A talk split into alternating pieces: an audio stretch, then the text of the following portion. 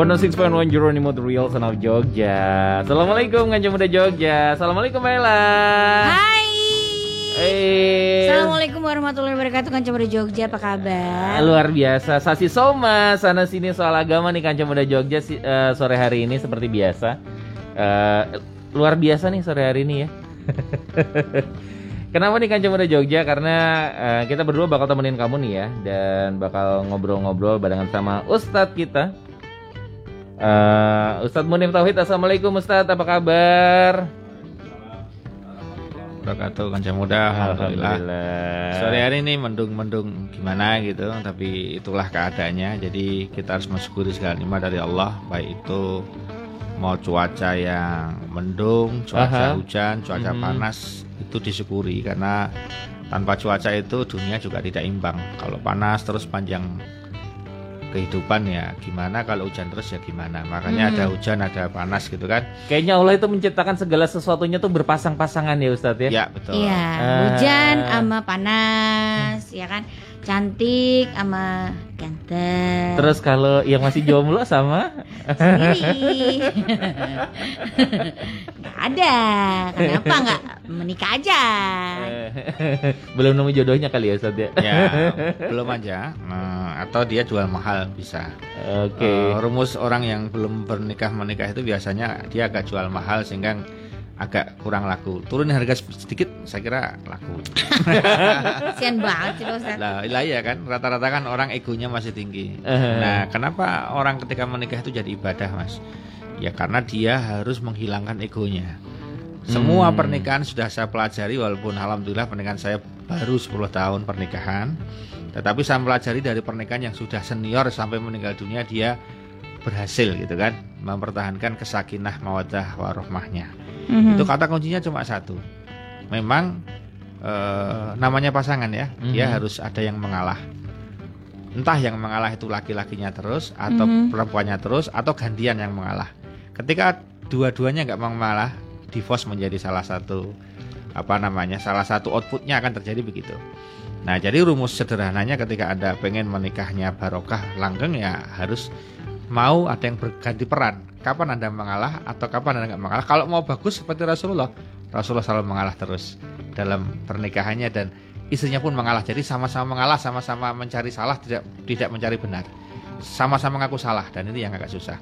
Nah, makanya kan yang muda mengapa nikah itu benar ibadah Mbak Ella dan Mas Awan. Mm -hmm. Karena sampai-sampai kan bagi orang yang mungkin belum menikah, mm -hmm. itu bayangannya ngapain sih Allah kok ngasih support bener nih sama Rasulullah tentang menikah. Menikahlah kamu akan kaya. Menikahlah kamu akan barokah. Menikah menikah menikah. Hmm. hmm. jadi dalil kalau kamu searching dalil kewajiban menikah itu banyaknya minta ampun. Sampai Rasulullah mengancam. Hmm. an nikahu sunnati kata Rasulullah. Nikah itu sunnahku. Fama an rohibaan sunnati falaysa mini siapa yang nggak ikut sunnahku bukan golonganku. Oh hmm. keren toh. Rasulullah sampai ngancam ja, dari yang dalil yang lunak-lunak sampai yang keras. Hmm. jadi sampai Rasulullah itu ngasih Jelas ya. Besok itu ketika kita bukan umat Rasulullah, nggak usah tanya, adresnya jelas neraka. Titik. Nggak ada ampun. Hmm. Nah, jadi Rasulullah ngancam kalau kamu nggak menikah, kamu bukan umatku kata Rasulullah. Oh, sebegitu apa ya? Kalau bahasanya orang itu promo dari promo halus, promo benefit sampai promo punishment. Mm -hmm. Karyawan tuh kan, kalau kamu nggak telat, kamu tak kasih hadiah. Kalau kamu telat, awas kamu tak giniin, betul kan? Mm -hmm. Jadi sampai tentang menikah itu dibahas ada rewardnya, ada punishmentnya. Hmm. Mengapa sih kemudian jadi ibadah? Oh ternyata jawabannya begini. Jadi ternyata di dalam pernikahan itu sekarang sudah muncul gejala. Kita dulu bertanya-tanya, nikah itu kan enak ngapain disuruh-suruh? Ini belum menikah karena orang ini. Hmm. Kan cuma gitu aja kan? Seneng-seneng sama istri, seneng-seneng sama Dia suami. belum tahu nah, gitu kan. Eh, ini nih yang sudah pengalaman langsung komentar, langsung komentar. Di depan saya langsung komentar semua, langsung komentar semua. Ada muda. Ya kan?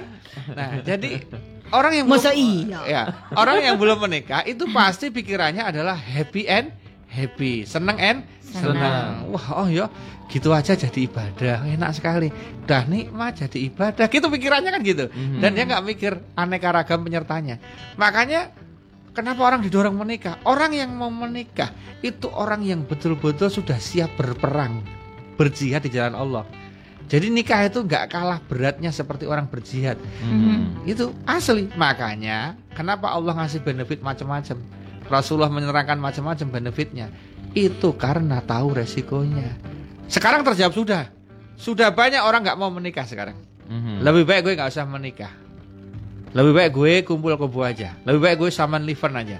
Pokoknya hidup ya hidup aja. Pokoknya nggak ada ikatan pernikahan. Happy happy doang. nih. Happy happy aja. Gitu gitu gitunya aja yang diinginkan. Mhm. Tahu juga tetap nggak bertahan juga. Karena begini, sekarang ini yang paling parah Mas Awan.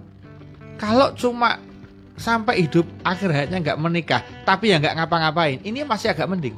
Maksud saya begini, ada nih orang yang dulu-dulu itu kan mungkin jatuh cinta sama si Asik B gitu kan. Orang dulu kan sangat apa ya dalam cintanya. Begitu ditolak atau dia nggak nikah, dia juga nggak nikah. Akhirnya sampai meninggal pun dia sama-sama nggak nikah itu ya ada. Mhm. Tapi ya nggak ngapa-ngapain juga sama yang lain. Ini masih mending. Orang yang tidak menikah dan kemudian tidak ngapa-ngapain mending. Nah sekarang ini gejala yang muncul di dunia ini adalah orang nggak menikah tapi dia pengen merasakan sensasi seperti orang yang bisa menikah. Mhm. Nah maka muncullah gejala mas sekarang ini mohon maaf sekali kancah muda harus tahu gejalanya sekarang orang tidak perlu tidak mau punya istri kenapa istri cerewet istri nuntut saya pengen nikah dengan boneka saja akhirnya muncul menikah dengan boneka sex toys menjadi berkembang dan sekarang promo-promo sex toys itu kancah muda masya Allah nanti min dalik sangat menarik karena dengan bumbu-bumbu tulisan-tulisan yang indah Mhm. Nah, alat terapi kesehatan pria, terapi kesehatan Hmm. wanita digunakan bagi pasangan yang jarak jauh. Dia menjadi aman daripada zina menggunakan itu. Nah, laku dia akhirnya, oh iya ya, masuk akal common sense. Orang-orang sekarang kan dikasih narasi gitu kan, oh, oh iya. Untuk yang masih jomblo, latihan sebelum menikah. Akhirnya setelah dia menggunakan, nggak perlu nikah, itu saja sudah cukup. Nah ini jadi masalah. Mhm. Mhm. Dan itu hati-hati kaca muda. Itu kelihatannya baru hanya alat tadinya. Begitu Anda mencoba trial begitu dan menikmati, muncullah deviasi seksual, Hmm. penyimpangan yang terjadi. Sehingga sekarang banyak ditemukan di banyak negara orang-orang yang super sibuk nggak mau konflik dengan istri, nggak mau repot dengan anak, akhirnya memuaskan diri sendiri dengan bantuan alat-alat yang sekarang semakin hari semakin beragam, semakin canggih, bahkan semakin mirip aslinya walaupun tidak. Mhm. Sehingga orang kemudian apalagi mohon maaf sekarang hanya muda ada metaverse apa namanya? Iya, Metaverse. metaverse. Ah, ya. metaverse betul ya. Iya, iya. Mhm. Nah, Haji aja mau metaverse. bahaya sekali. Kalau merangsang orang untuk bisa haji dan umroh dengan metaverse, oke, is good. Orang kemudian, wah enak tenan aja berarti karena apa? Eh, secara audio dan secara visual, audio maupun apa namanya, visual itu jenenge apa? Kan audio ke telinga, nek ini, penglihatan. ya video dan audio Mhm. itu lebih menarik metaverse daripada nyata menurut saya karena kalau nyata itu kan misalnya kita punya mata minus nggak begitu jelas Mhm. atau plus sama kan tapi metaverse kan dia didekatkan dan kemudian kan dengan kamera istilahnya dia dengan bantuan optik kan Mhm. dipertajam saya pernah diskusi dengan teman-teman yang suka buat film itu katanya kalau film 3D gitu kan kan ada tuh 3D sama nggak 3D kan Mhm. ya rata-rata kan 2D kalau dia udah 3D kan bisa pakai kacamata itu kan kacamata yang Mhm. itu lah itu katanya kameranya beda pixelnya beda harganya beda karena untuk sekali take aja dia nggak bisa langsung Sekali jadi gitu. Mhm. karena Kameranya juga banyak. waduh Yang sangat luar biasa karena apa dia betul-betul real menghadirkan sensasi nyata Mhm. Lo bayangkan ketika kita itu menggunakan itu untuk haji dan umroh dalam konteks bukan haji umroh ya, itu nggak tetap tidak sah ya. Hanya untuk istilahnya memanjakan mata kita seperti betul-betul kayak orang haji dan umroh. Mhm. Oh itu bisa keren sekali mas. Bagaimana ditampilkan raudhah dalam Ka'bah, Hajar Aswad kayak gitu. Itu kan kita selama ini lihat 3D-nya maka aja senangnya kayak ampun kan, kayak gitu kan. Apalagi itu metaverse kan seakan-akan nyata. Dia jalan kameranya gitu kan, dia seakan-akan begitu. Itu untuk kebaikan orang terangsang kemudian mau berangkat atau ngobati kangen Mbak Ella bisa jadi kuotanya nggak boleh sama pemerintah kan besok lama-lama saya yakin udah pernah umroh kan kamu nggak boleh akan terjadi besok Metaverse saja.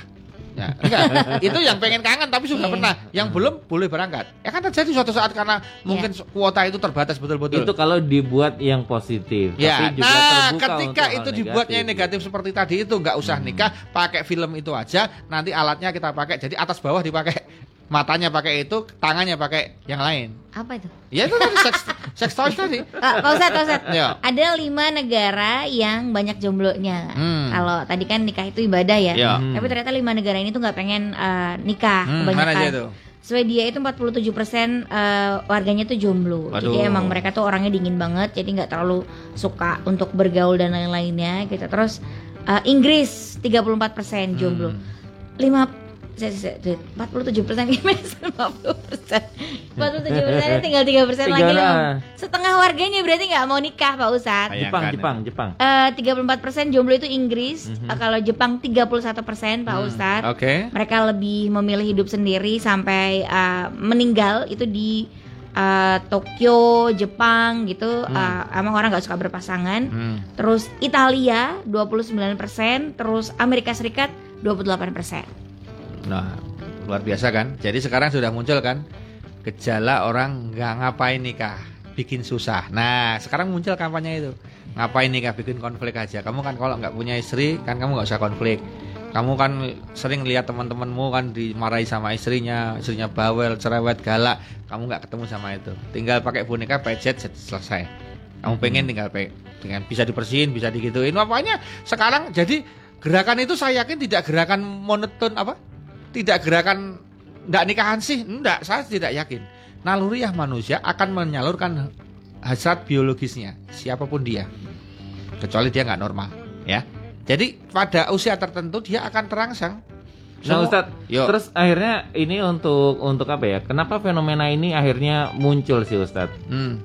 Kenapa gitu? Akhirnya banyak ya karena yang kemudian ada orang menangkap saya sangat yakin pembuat-pembuat alat atau ataupun aplikasi yang melakukan seksual swalayan itu adalah orang yang juga pengalaman, artinya expert di situ, dia juga praktisi. Expert tidak hanya semacam apa ya desainer yang hanya desain, enggak. Saya sangat yakin desainnya dia terinspirasi dari kehidupannya dia sendiri. Dia merasakan sensasinya sendiri sehingga dia akan berkembang. Oh, bagusnya kalau ditambah ini. Itu sampai kalau baca Mas, dulu Mas mohon maaf ya, orang mau beli sex toys atau sejenis itu susah. Satu, tempatnya aja susah. Mhm, Dua, kalau misalnya ketemu tempatnya, itu barangnya nggak mesti lengkap. mhm. Tiga, takut-takut. Wah, Mas Awan kok ning ngene kae? Mau apa teh?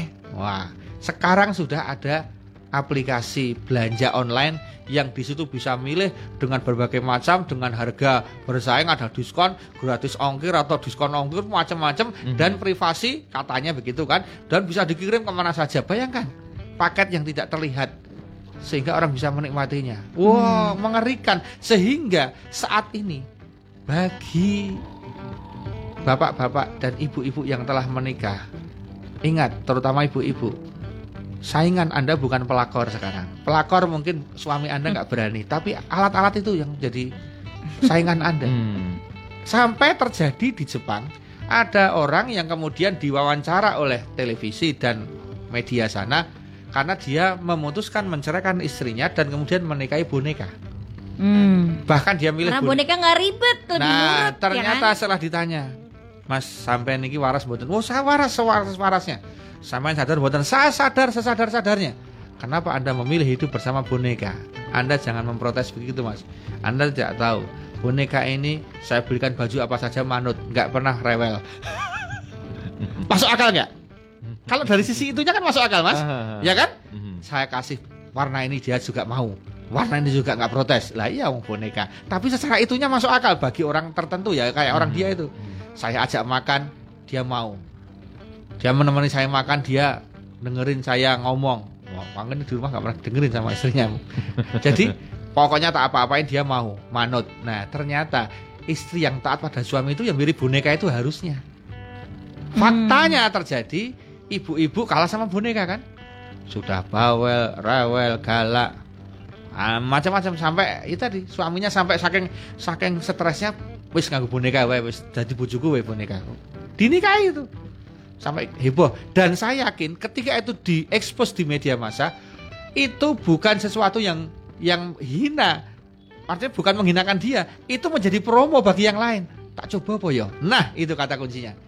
Trial. Akhirnya banyak orang mencoba. Tadinya dia tetap punya istri mencoba, akhirnya malah yang dicerai. Itu terjadian. Maka hati-hati menggunakan itu termasuk deviasi seksual. Hmm. Itu sangat hati-hati. Nah, bagaimana Ustadz Hmm. sebaiknya uh, kita sebagai uh, seorang suami Hmm. dan seorang istri bersikap Ya. dalam Islam supaya akhirnya kita bisa membahagiakan uh, pasangan kita gitu. Dan, Karena kan akhirnya dan ya dan bernilai Supaya mereka ibadah. nggak beli sex toys. Iya. akhirnya menikah itu jadi kayak nggak beban gitu gitu. Ya, Iya, iya. iya, karena karena sekarang ini Tapi ini juga buat suami kan Ustadz ya. Ya suami dan istri Suami sama, istri. karena konteksnya begini. Sekarang para jomblo-jomblo, jombloan dan jomblowati itu, mending kalau aku nikahnya nanti kalau udah punya duit, kalau udah punya ini aku mau nikah, itu masih bagus. Mhm. Dia tidak ingin mengecewakan pasangannya. Yes, saya setuju. Yang penting jangan lama-lama sampai akhirnya anda nggak beli rumah dan nggak nikah-nikah juga. Yang masalah itu gini loh, mohon maaf ya, kancang muda, tidak dipungkiri, tidak ditolak dan bahasa lebih kasar, tidak munafik. Orang ketika menikah pengen gituan, biar sah dan halal dan tidak dosa, bukan masuk kategori zina. Oke? Mhm. Kan begitu.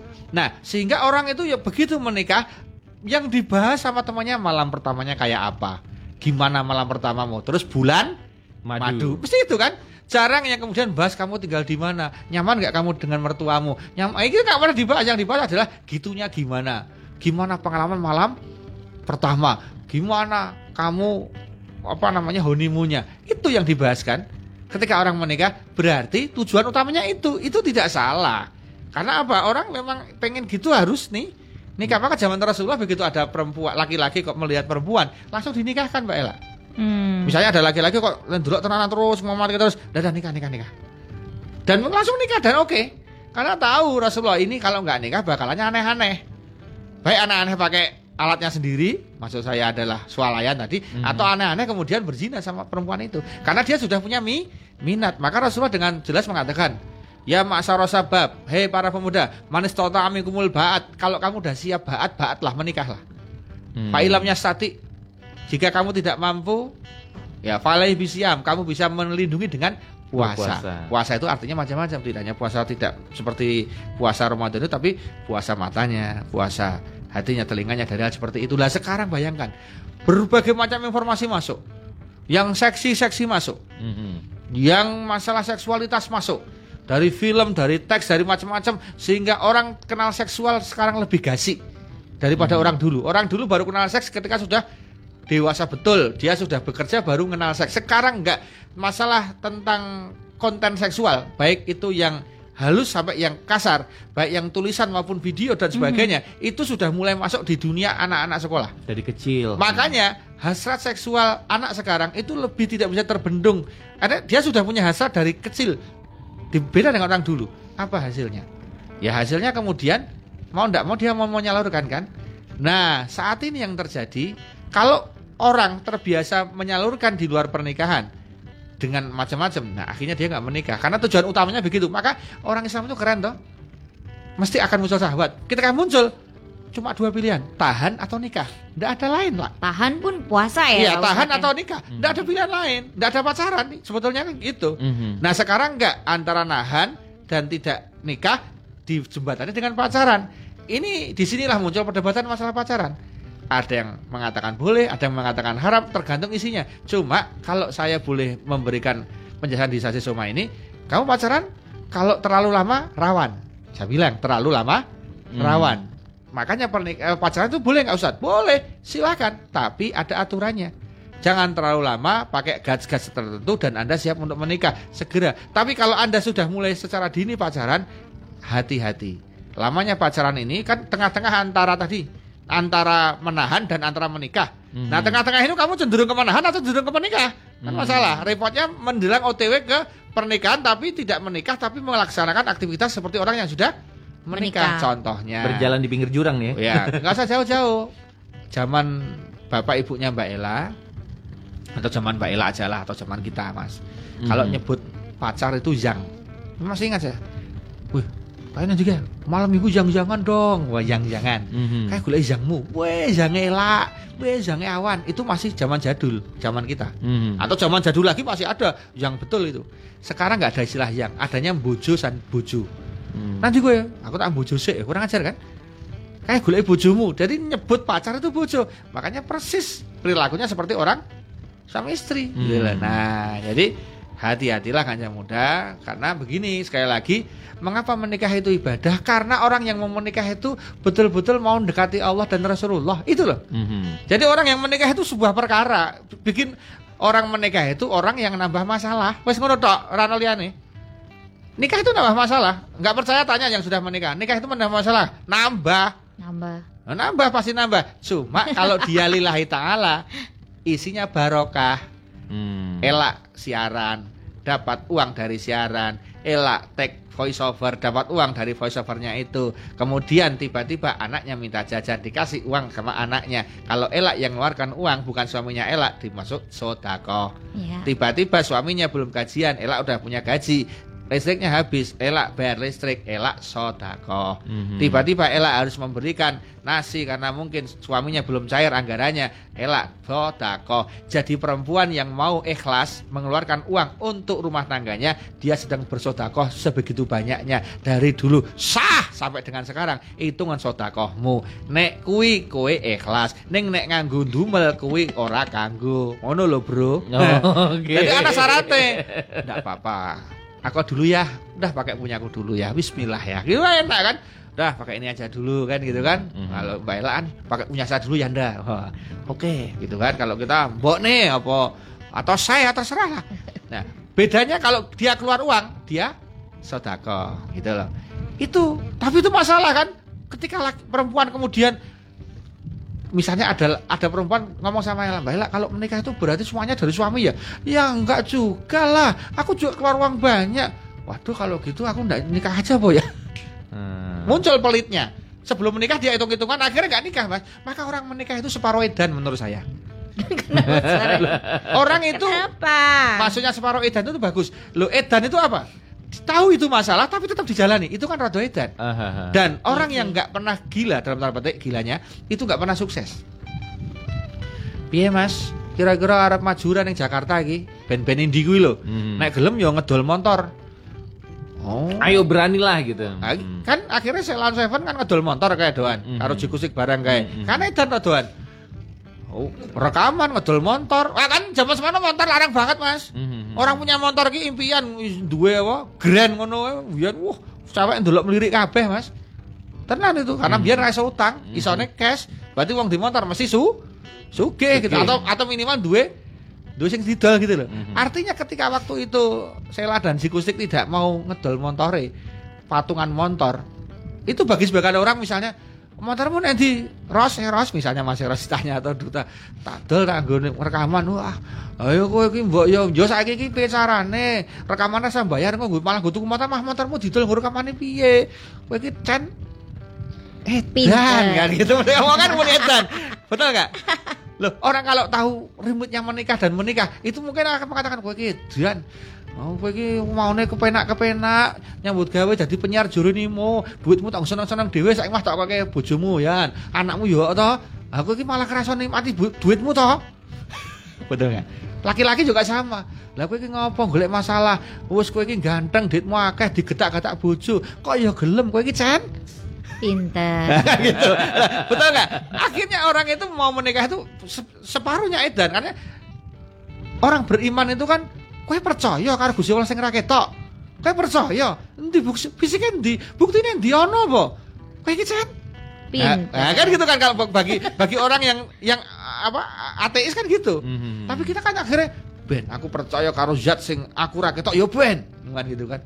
Kowe diperintah Rasulullah kok gelem. Rasulullah itu wis edo suwe. Kowe wis tau ketemu apa? Ya kowe nek bener nek ora. Iman itu sebagian dari gila. Nek ora gila ora beriman, Mas. Hmm, Artinya gila itu apa? Aku ora ngurus. Wes aku yakin. Oh, jenenge keyakinannya kaya mengedan loh, Mas.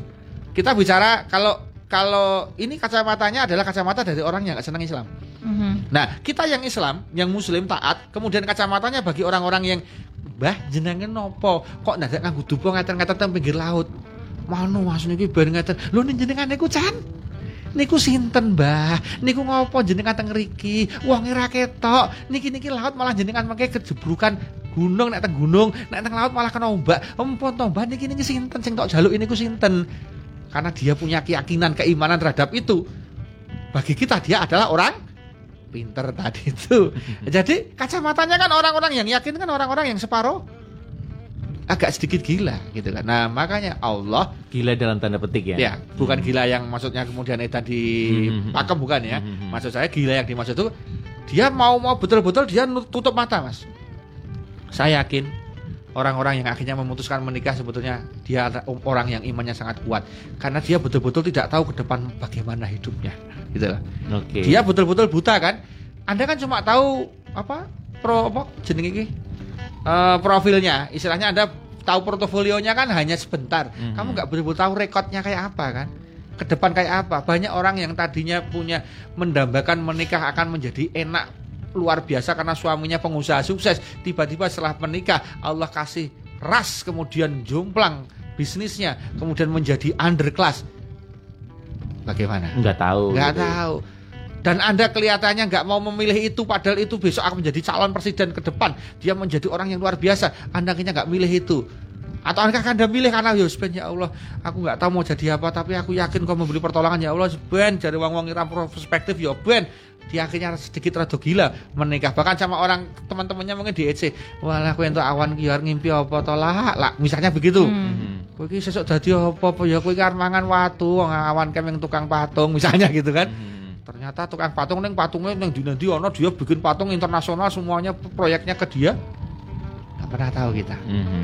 makanya nikah itu goib. Begitu orang mau nikah Allah ngasih barokah betul. Ibadah. Kamu nilai ibadah. Allah ngasih support. Karena kamu memilih jalan yang menurut sebagian orang adalah gila. Oke dan kalau misalnya menggaris bawahi tadi yang udah di, uh, diutarakan oleh Ustadz salah satu kunci menjadi suami atau istri yang membahagiakan uh, pasangannya adalah mengalah. ikhlas ya ikhlas Ustadz, dan ya. mengalah ya ikhlas ya, gitu. nanti tapi, kita bahas tapi apalagi apalagi yang ya. bakal bakal apa ya sebaiknya dilakukan oleh pasangan sehingga kita bisa membahagiakan pasangan yang lain nanti abis ini ya lah ya. Oke. Okay. Oke. Okay. 106.1 Jeronimo Real Senang Jogja. Kalau kanca muda pengen punya impian menikah boleh. Pengen punya impian punya mobil juga boleh. amin ya Allah. Haji, haji umrah amin. Amin. Mobil amin. Mungkin yang masih jomblo menikah. Amin. Amin. Dia gitu kalau kan? mau nikah, uh. jangan sampai Indonesia yang banyak penduduk ini Pak Ustadz mungkin akan punya tren yang sama dengan Inggris, Swedia, Jepang gitu. Tapi memang kalau di di apa ya di Jepang itu sendiri Ustaz punya beberapa orang teman Jepang itu mereka nggak mau menikah karena di sana beban hidup begitu berat. Eh, terus mahal kemudian ya? mahal ketika punya anak, pendidikan, kemudian rumah dan lain-lain itu berat gitu. Padahal menikah kan juga harus menanggung itu. Nah, sebenarnya gimana sih Ustadz menjadi seorang pasangan yang baik dan bisa apa ya menciptakan pernikahan yang menjadi ibadah gitu. Ini yang selalu saya sampaikan ketika saya mengisi khutbah nikah. Sebetulnya khutbah nikah ini juga dulu disampaikan ke saya. Tapi bukan khutbahnya. Jadi saya waktu itu masih ingat 2012 saya menikah itu Pak Wali Kota, Pak Haryati Syudi itu ketika di Masjid Agung Gresik menjadi saksi pernikahan saya dan persis berada di sebelah saya. Mm -hmm. Beliau sebelum ada apa namanya sebelum dimulai prosesinya tapi sudah duduk itu. Beliau mendekatkan di telinga saya dia mengatakan Munif kamu tata hatimu semuanya ditentukan hari ini. Kalau kamu salah niat kamu salah memasang niat akan bermasalah. Tata awal ini ditata sekarang. Inilah saatnya. Jadi mm -hmm. itu yang saya selalu ingat-ingat ketika saya mau ikut nikah itu ya pesannya Pak Wali Kota pada saya. Dan itu betul tata niat hari ini karena menentukan segalanya. Nah, kalau kejadiannya sebelum menikah, arti Anda belum masih jomblo. Nah, kamu harus punya niat ngapain kamu nikah itu niatnya apa? Mm-hmm. Jangan jadikan seksual menjadi tujuan utama. Dia agenda saja nggak apa-apa. Mm-hmm. Tapi nikah itu untuk mencari ridho Allah. Kenapa? Dengan kita menikah kan Allah seneng. Ya, berarti kue percaya aku percaya kowe cok tak kayak duit percaya kowe nanti anak tak urusi anakmu ora kowe duitnya saka aku bro ora saka jerunimu ngerti ra jerunimu meng corone gitu. hmm. aku duitnya tuh jerunimu nih ngerti ra oh, Ya wes ape ape ape nek kowe gelem nikah. Ya Allah kan bilang gitu. Mm-hmm. Rasulullah juga wah seneng kan itu kan. Sip kowe umatku kowe kowe percaya ya kan karo apa sing tak sampaikan. Ngono loh. Mm-hmm. Kan gitu. Nah, ketika itu nanti paketnya komplit di dalamnya. Orang-orang yang tidak mau menikah karena tak takut biaya mahal, itu berarti kan dia tidak yakin dan tidak percaya Tuhan itu berarti. Ya ya udah otomatis jangan ditanya kalau itu. Mm-hmm. Itu kan apalagi dia ngukan ya. Pernah nggak sih kita itu tiba-tiba sendiri di malam hari di tempat yang sepi menerawang jauh kita bertanya diri kita sendiri ya Allah sudah sampai sekian toh ternyata saya nggak ngira ya Allah aku sekarang punya ini punya itu bisa ini bisa itu. Dulu aku siapa ya Allah? Oh, coba kamu tanya gitu kan. Ajaib betul hidup kita. Mm-hmm. apalagi kalau diterakan dari orang tua kita kita saat ini itu tracknya itu itu ajaib tok isi nih itu nek dikalkulasi ratekan mas. Makanya jangan pernah ngukur ukuran manusia dengan ukurannya manusia tok. Jadi kita kalau punya masalah ukurannya Allah. Allah itu maha penyelesaian masalah. Kalau kita menyelesaikan masalah dengan ukuran kita, insya Allah nggak selesai. Betul. Iya, betul. kita harus pakai Allah, gitu kan. Ukurannya Allah. Jadi cara pandangnya cara pandang Allah, bukan cara pandang kita. Jelas nggak selesai. Nah tadi kan, wah biaya hidup mahal Ustaz di Jepang gini gini gini. Iya. Tapi kalau kamu yakin sama Allah, nanti Allah bikin kamu bisa dapat entah kamu akhirnya pindah dari Jepang atau kamu di Jepang punya bisnis yang kemudian kamu bisa lebih bagus daripada yang kamu khawatirkan terjadi. Ada caranya lah. Ada ya. caranya. Nah, pertama makanya niatnya dulu. Nah, itu bagi yang belum menikah, Anda pas banget tata niatmu untuk apa. Mm-hmm. Nah, yang terlanjur sudah menikah nih gede-gede ini kayak gini, anaknya udah besar-besar kayak ini nih. Nah, itu berarti memperbarui niat. Bukan memperbarui pernikahan dengan yang lain. Enak wae ada guyu. Oh. Ganti gambar Ustaz. Ganti langsung. Gambar. langsung udah ngaco ngarepan. yang diperbarui adalah niatnya. Oh iya iya iya. Ya ampuni aku ya Allah. Aku dulu nikah dapat Mas Awan tuh pengennya aku hidupnya santai, nggak usah kerja, uangnya banyak. Eh ternyata ya nggak seberapa. Saya salah niat ya Allah. Nanti enak setelah itu. Hmm. Mandang awan isinya itu enak sama kan ketika suami gitu kan ya Allah tak kira dulu ya cantik tenan ternyata sekarang gemuknya luar biasa ya Allah. Tapi aku yakin aku tidak hanya ngejar gemuknya itu ya Allah. Ngomongin gue istriku ya gemuk. Istriku ya gemuk gue kok tersinggung. Kan nggak ada luar biasanya. Ya, kan, gitu. luar biasa ya Allah. Ini kalau kalau apa namanya kalau aku hanya masalah itu aku sudah salah ya Allah. Karena menikah tidak hanya melihat body ya Allah. Mm -hmm. tapi membawa dia ke surga ya Allah tugas terberat aku sebagai suami bukan masalah itu tapi masalahnya aku membawa ke surga ya Allah. Wah kan keren akhirnya. Jadi nanti kalau niatnya diperbarui masalah gemuk masalah kurus masalah uangnya dikit uangnya banyak masalah ini masalah itu akan cair mas. Hmm. nah makanya suami istri itu saya sarankan kalau sudah menikah sekian lama itu perlu recas ulang. Hmm. nah caranya recas ulang itu adalah ya sekali-kali anda hangout tidak di rumah ya mm-hmm. kemudian check in di hotel atau di tempat mana saja yang anda nyaman sehingga nanti ada sesi ngobrol bersama itu mm-hmm. akan menenteramkan mm-hmm. betul itu anda selalu kalau saya bilang hotel selalu mesum pikirannya mm. Ya nggak apa-apa kalau di dalamnya isinya harus begitu. Kalau anda pas nggak mau gitu ya nggak apa-apa. Yang penting ngobrolnya. Ingat ngobrol di rumah kan bisa usah iya suasananya tapi beda gitu loh. Jadi kayak menciptakan arah tujuan kembali gitu iya, ya. Iya, bila perlu sekali-kali Anda rubah settingan tempat tidur Anda, Anda ganti pindah tempat tidur ya nggak apa-apa. Itu menjadi salah satu karena kenapa?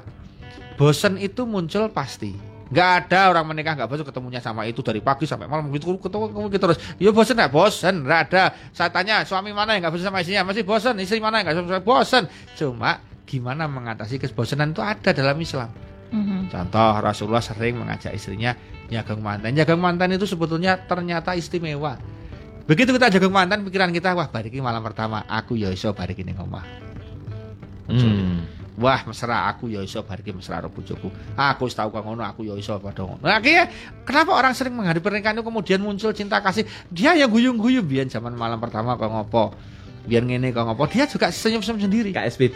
Ya, istilah gitu lah. Nah, artinya apa? Artinya kita harus menciptakan suasana sendiri. Mm -hmm. Dan akhirnya si istri itu begini. Nanti sampai pada puncaknya begini si istri itu. Ya Allah, tujuanku itu apa tuh? Oh tujuanku itu aku kan tadinya aku tahu ya Allah bahwa aku tuh harus melayani suami dengan baik.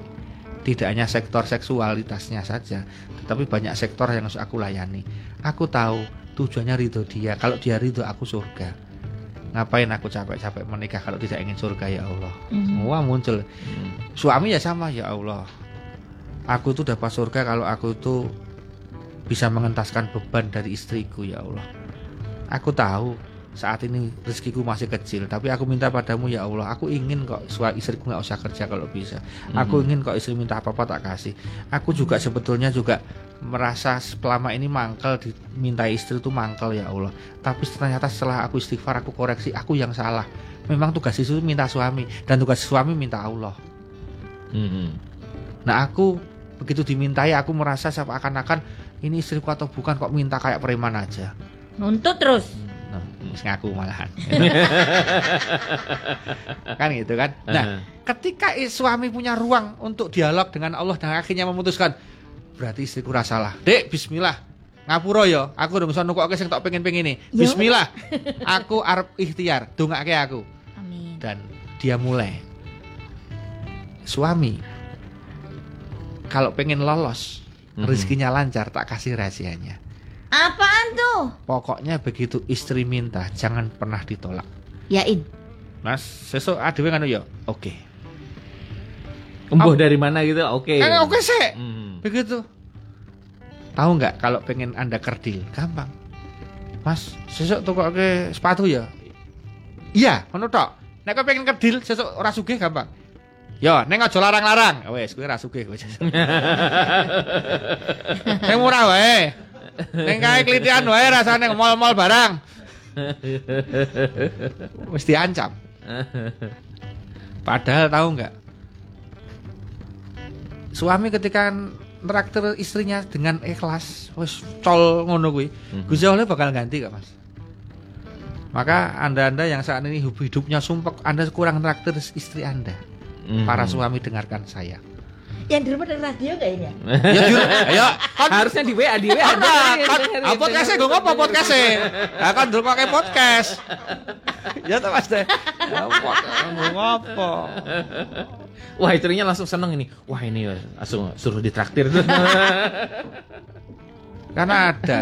Ini suami itu ada nek kon traktir konco royal, giliran sing traktir bojo milah-milih. Sing ngono wae sekono wae. Begitu karo wong silakan pilih yang mana. Hmm.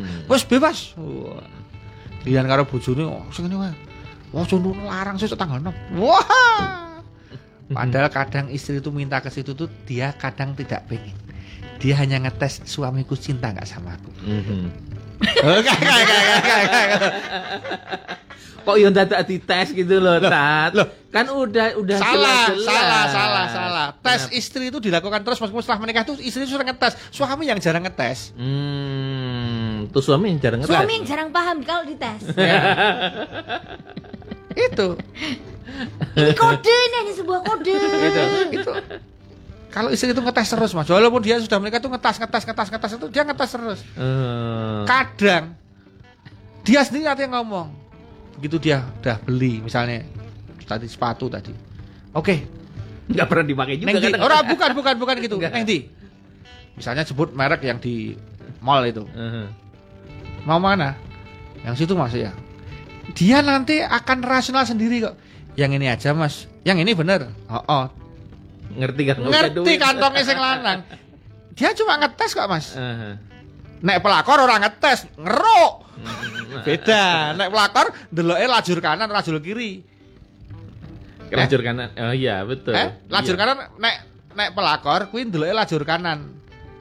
Mhm. Lajur kanan tok. Nek nek lajur kanan tok nek pelakor. Neng nek pasangan asli dia lajur kanan dan lajur kiri. kiri, kiri sik baru ndelok kanan. Yuk kanan dah situ ganti mana sing senyampang kiri dan kanan, kanan. neng nek pelakor kanan tok. Sing larang di lah ngono. Udah otomatis. Itu rahasia. Maka suami-suami nek kue pengen Allah berkahi hidup anda calcul nyoh nyah nyoh. Ben entek golek entek golek entek golek entek golek entek golek Mm-hmm. Karena banyak orang main gula Halo Anda dengerin di rumah ya. Lo kan gitu mas. Rekaman direkam direkam ya. direkam. nah sekarang yang adil itu kan hmm. berlaku untuk suami. suami. Gimana untuk istri? Aduh. Nah, kan gimana gimana nih gimana Tiga lawan satu nih saya. Nih? gampang, gampang. Aduh. Mohon maaf ya, uh. mohon maaf dengan sangat sekali. Uh. Mohon maaf dengan sangat sekali. Kalau perempuan itu, mohon maaf, kesukaannya banyak. Kesukaannya banyak, Mas. Uh. Ya ini, ya itu, ke sana ke sini itu perempuan. Makanya aksesorisnya banyak. Laki-laki itu cuma konsisten di seksualitas dari dulu, fisik clear. Hmm. Loh, dia tertawa. Ini kan diet gini ya. Laki-laki. Loh, aku jadi seksi curhat ini. Bukan, bukan.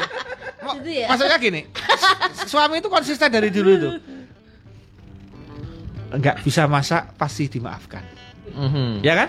Enggak bisa nyuci pasti dimaafkan karena ada pengganti. Enggak bisa masak tinggal aplikasi. Food food datang sendiri. Mm -hmm. Bisa nyuci ada laundry. Enggak bisa bersih rumah tinggal panggil mbak-mbak atau bubu siapa. Mm-hmm. Tapi kalau nggak bisa ngelayani yang itu, mau apa? Apa kamu cari pengganti juga? ya nggak bisa tapi. Nggak bisa. Uh. Makanya ketika itu tidak dengan baik dilakukan, catat omongan saya, baru rezekinya hilang, hmm. kebahagiaannya hilang. Maka berarti harus seimbang dong ini Ustaz nih. Jadi gini loh. Dua-duanya gitu ya. Mohon maaf, walaupun ini ditentang banyak orang, silahkan pendapat saya. Mm -hmm. Istri pendapatnya adalah gimana caranya suami itu kekayaannya, asetnya adalah didedikasikan untuk aku. Mm-hmm. Itulah istri. Nggak bisa ditampik seperti itu. Suami mengatakan, piye caranya di aku sek itu terpenuhi dengan baik. Mengen dok, ya maka jadi kayak pelacur transaksional. Makanya ancaman Allah bagi suami-suami, hei para suami, penuhilah istrimu, bekerjalah, nafkailah istrimu, duit, duit, duit, duit. Allah itu bilang gitu. Istri, hei, layani suamimu. Taatlah, manuto, gaya apa manut, kon ngene gelem. Nah, ini kan nggak pernah didialogkan dalam suami istri. Yang terjadi apa? Ya deadlock. Istri nggak melayani karena nggak dikasih duit. Suami orang ngasih duit karena dilayani. Akhirnya apa? Oh, gendro. Tapi kalau misalnya dua-duanya akhirnya menerima dan ikhlas dan memasrahkannya kepada Allah, ya Allah, aku sudah Nah, berarti semuanya. berarti pokoknya itu aku padamu saya, ya, ya Allah. Oke, okay. gitu. caranya piye? Tak kasih tahu caranya. Itu caranya adalah pasca bayar. Lem bayar carry. Gimana itu tadi? Maksudnya kalau istri nggak usah menunggu duit, kowe tak layani sepenuh hati, tak puas ke sak puasmu, sak bobolmu, sak lemesmu. Pokoknya all out aku walaupun tak bayar, aku ramah salah pasca bayar. Sesuk Gusti Allah sing bayar. Jadi dia melayani suami seperti suaminya seakan-akan ngasih uang bulanan 100 juta per bulan. Padahal rasa ngono. Neng dia layanannya kayak 100 juta. Allah akan gantikan sisanya nanti dalam bentuk lain. Ngono loh. Sama dengan suami. Suami gitu juga ketika istrinya minta pokoknya pokoknya berikan yang ada. Wes rasa dihitung. Nanti Allah akan ganti nanti pasca bayar. Itu loh. Memberikan yang terbaik untuk Iya, pokoknya gitu terbaik ya. dulu walaupun itu belum bisa segitu. Jadi intinya lembar carry Mas, tunda utang sih. Makanya Allah itu kalau kalau menghayir hambanya untuk sodako itu kata-katanya keren firman Allah itu. Maukah engkau memberikan pinjaman terbaik untukku? Mau oh, keren toh. Allah itu. Hambanya itu saking halusnya Gusti Allah itu. Gelem ra kowe pinjaman gua, pinjaman terbaik, pinjaman terbaik untukku kata Allah. Artinya apa? Allah itu bakal ganti nih. Mm-hmm. Nah, maka para istri-istri itu nggak usah nunggu suaminya kaya ngasih duit banyak baru kamu memuaskan apa yang dia minta. Lho saking gak usah jauh-jauh loh. Nek kan ngomong kan bojo angel. Mbok kowe iki nek pas malam Jumat apa hari Dinggo iki mbok pakaiane seksi. Kan ora tau arep ngomong ngono ya ora tau. Sing wedok ya ngono tuh gadine waton nganggo ngono kae. Ora menarik blas. Nah, begitu di, di begitu sing sing lanang ngajak dialog. Ah, ditmu ki pira Mas? Arep njaluk mate aneh. Iki nggo tuku ki ra ono ilfil. Mm-hmm. Makanya pantas sekarang hubungan suami istri itu nggak pernah bisa nikmat. Kenapa? Karena ada trembel-trembelannya nggak lost doll, nggak ikhlas lillahi taala. Ada apa? Transaksional. Mm. Malah pas melakukan aja karo ngomong sesuk karo bayar dulu mas. Faktanya begitu. Nah orang-orang dulu tuh lost doll. Carry, bayarannya carry. Mengikhlaskan segalanya, memberikan nah, yang terbaik buat pasangan. Iya, itu kata kuncinya. Hmm. Makanya niatnya ditata. Kenapa sih kamu berhubungan badan? Niatnya jangan hanya untuk seksual. Kalau untuk seksual saya yakin banyak istri itu tidak mau. Karena secara secara apa? Secara frekuensi tanya dokter Boyko sama dokter-dokter seksual itu, mm -hmm. istri yang bisa orgasme itu jumlahnya kecil. Mm -hmm. Tapi kenapa tetap melakukan isu-isu terdahulu para isu-isu sahabat seperti itu? Ya karena dia tahu surga jaminannya. Wes sakarmu. Bahasa kasarnya banyak melakukan fake orgasme. Puas sih, puas. Yes, padahal ya orang. Untuk apa surga? Wah, sing kan ngece. Aku piye masuk loyo ra cetha Mm-hmm. Eh kan gitu. Ya karena nggak dibangun nawaitunya. Tapi nek nawaitunya dibangun, nanti Allah kirim sinyal. Eh Mas masake bojomu orang puas loh. Kowe mm-hmm. kudu menambah durasi. Kowe carane kowe konsumsi batu sauda, kowe olahraga. Akhirnya muncul sendiri Allah kasih sinyal dari situ nanti. Mm-hmm. Istri juga dikasih sinyal sama Allah kayak misalnya bojomu lu jadi pengen gaya macam-macam. Dia pengen kowe iki ya dadi kaya perawat yang aku baju perawat barang atau seksi barang, mungkin akan dikasih sinyal di situ. Mm-hmm. Akhirnya dua-duanya saling kreasi masing-masing dan itu tidak harus mahal. Mm-hmm. Tolong dicatat tidak harus mahal. Makanya Bapak Ibu semua kanca tua ini kan kanca tua yang seperti ini. Kalau kanca muda tidak disarankan saya belum menikah ya. Belum punya pasangan ya. gitu ya. Kenapa? Mm-hmm. Kalau masih mantan anyar nggak usah ditanya, masih bergairah. Mm-hmm. Kalau sudah usianya sweet seven da apalagi 40-an ke atas itu harus penuh kreasi. Ya kreasinya macam-macam makanya muncul dia cekin, muncul dia kemudian sensasi apa itu dalam rangka merawat cinta kasih wong itu hukumnya halal. Hmm. Gitu loh. Nah yang tidak benar adalah wis rasa reko-reko ngene ya apa wah ya pantas akhirnya nggak pernah berkembang.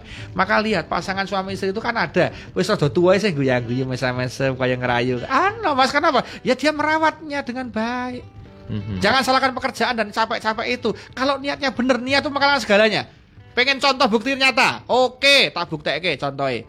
Kamu tarweh, Oke? Okay? Mm-hmm. Habis tarweh kamu makan bakmi godok. Makan bakmi godoknya adalah bar tarweh. Tarwehnya ramong jam setengah sembilan. Kamu makan bakmi godok jam sembilan. Sampai rumah kamu tertidur ngantuk blek karena aktivitas padat. Kamu bangun pas adan subuh. Mm-hmm. Anda nggak sahur. Oke? Okay? Mm-hmm. Berarti kamu terakhir makan jam sembilan. Sembilan. Mm-hmm. Kamu terus tetap puasa karena kamu sudah nih niat. niat.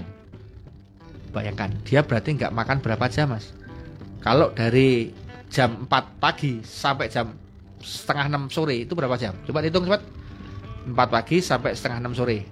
Itu, berapa jam? Itu 14. 14 jam. Tambah dari jam 9 sampai jam 4 berapa jam? Itu berarti berapa? Uh, 7 9, 6 jam. 4, 6. 6, 6 tambah? Hah? 6, Bo. Dari 9, 9 malam sampai 4 pagi. Iya. 9, 10, 11, 12, 1, 2, tiga empat tujuh. Tujuh. Tujuh tambah tadi berapa? Tujuh tambah tadi empat belas. empat belas. Berapa? Dua puluh satu. Hampir dua puluh empat jam nggak makan nggak minum. Kuat apa kuat? Kuat dah kenapa? Niat. Niat. Nah berarti niatmu itu apa ketika menikah? Niatmu ketika hubungan badan itu apa? Niatmu ketika kamu ngasih duit istrimu itu apa? Niatmu ketika suami itu apa? Tanyakan niat itu. Mm-hmm. kamu aku. Santai rat kalau salah niat salah niat wes masalah inama malu bin, bin, bin Nah, jadi uh. sekarang niatnya apa? Di situlah ini bagi ini kanca tua ya. Nah, kanca, yang mau menikah juga berarti perbaiki niat ya. ya. Kanca muda oh. ini sebagai kamu akan melewati fase ini nanti. Mm -hmm. Gitu lah. Gitu kan? Jadi jangan dikira gitu kan. Maka ada ada rumus menarik ya. Kita ya memang istri sama suami itu nggak bisa kayak mobil ya. Artinya nggak bisa disamain kayak cerita tadi itu nggak nggak walaupun nggak bisa sama, tetapi dipada-padain secara logis masih bisa mas.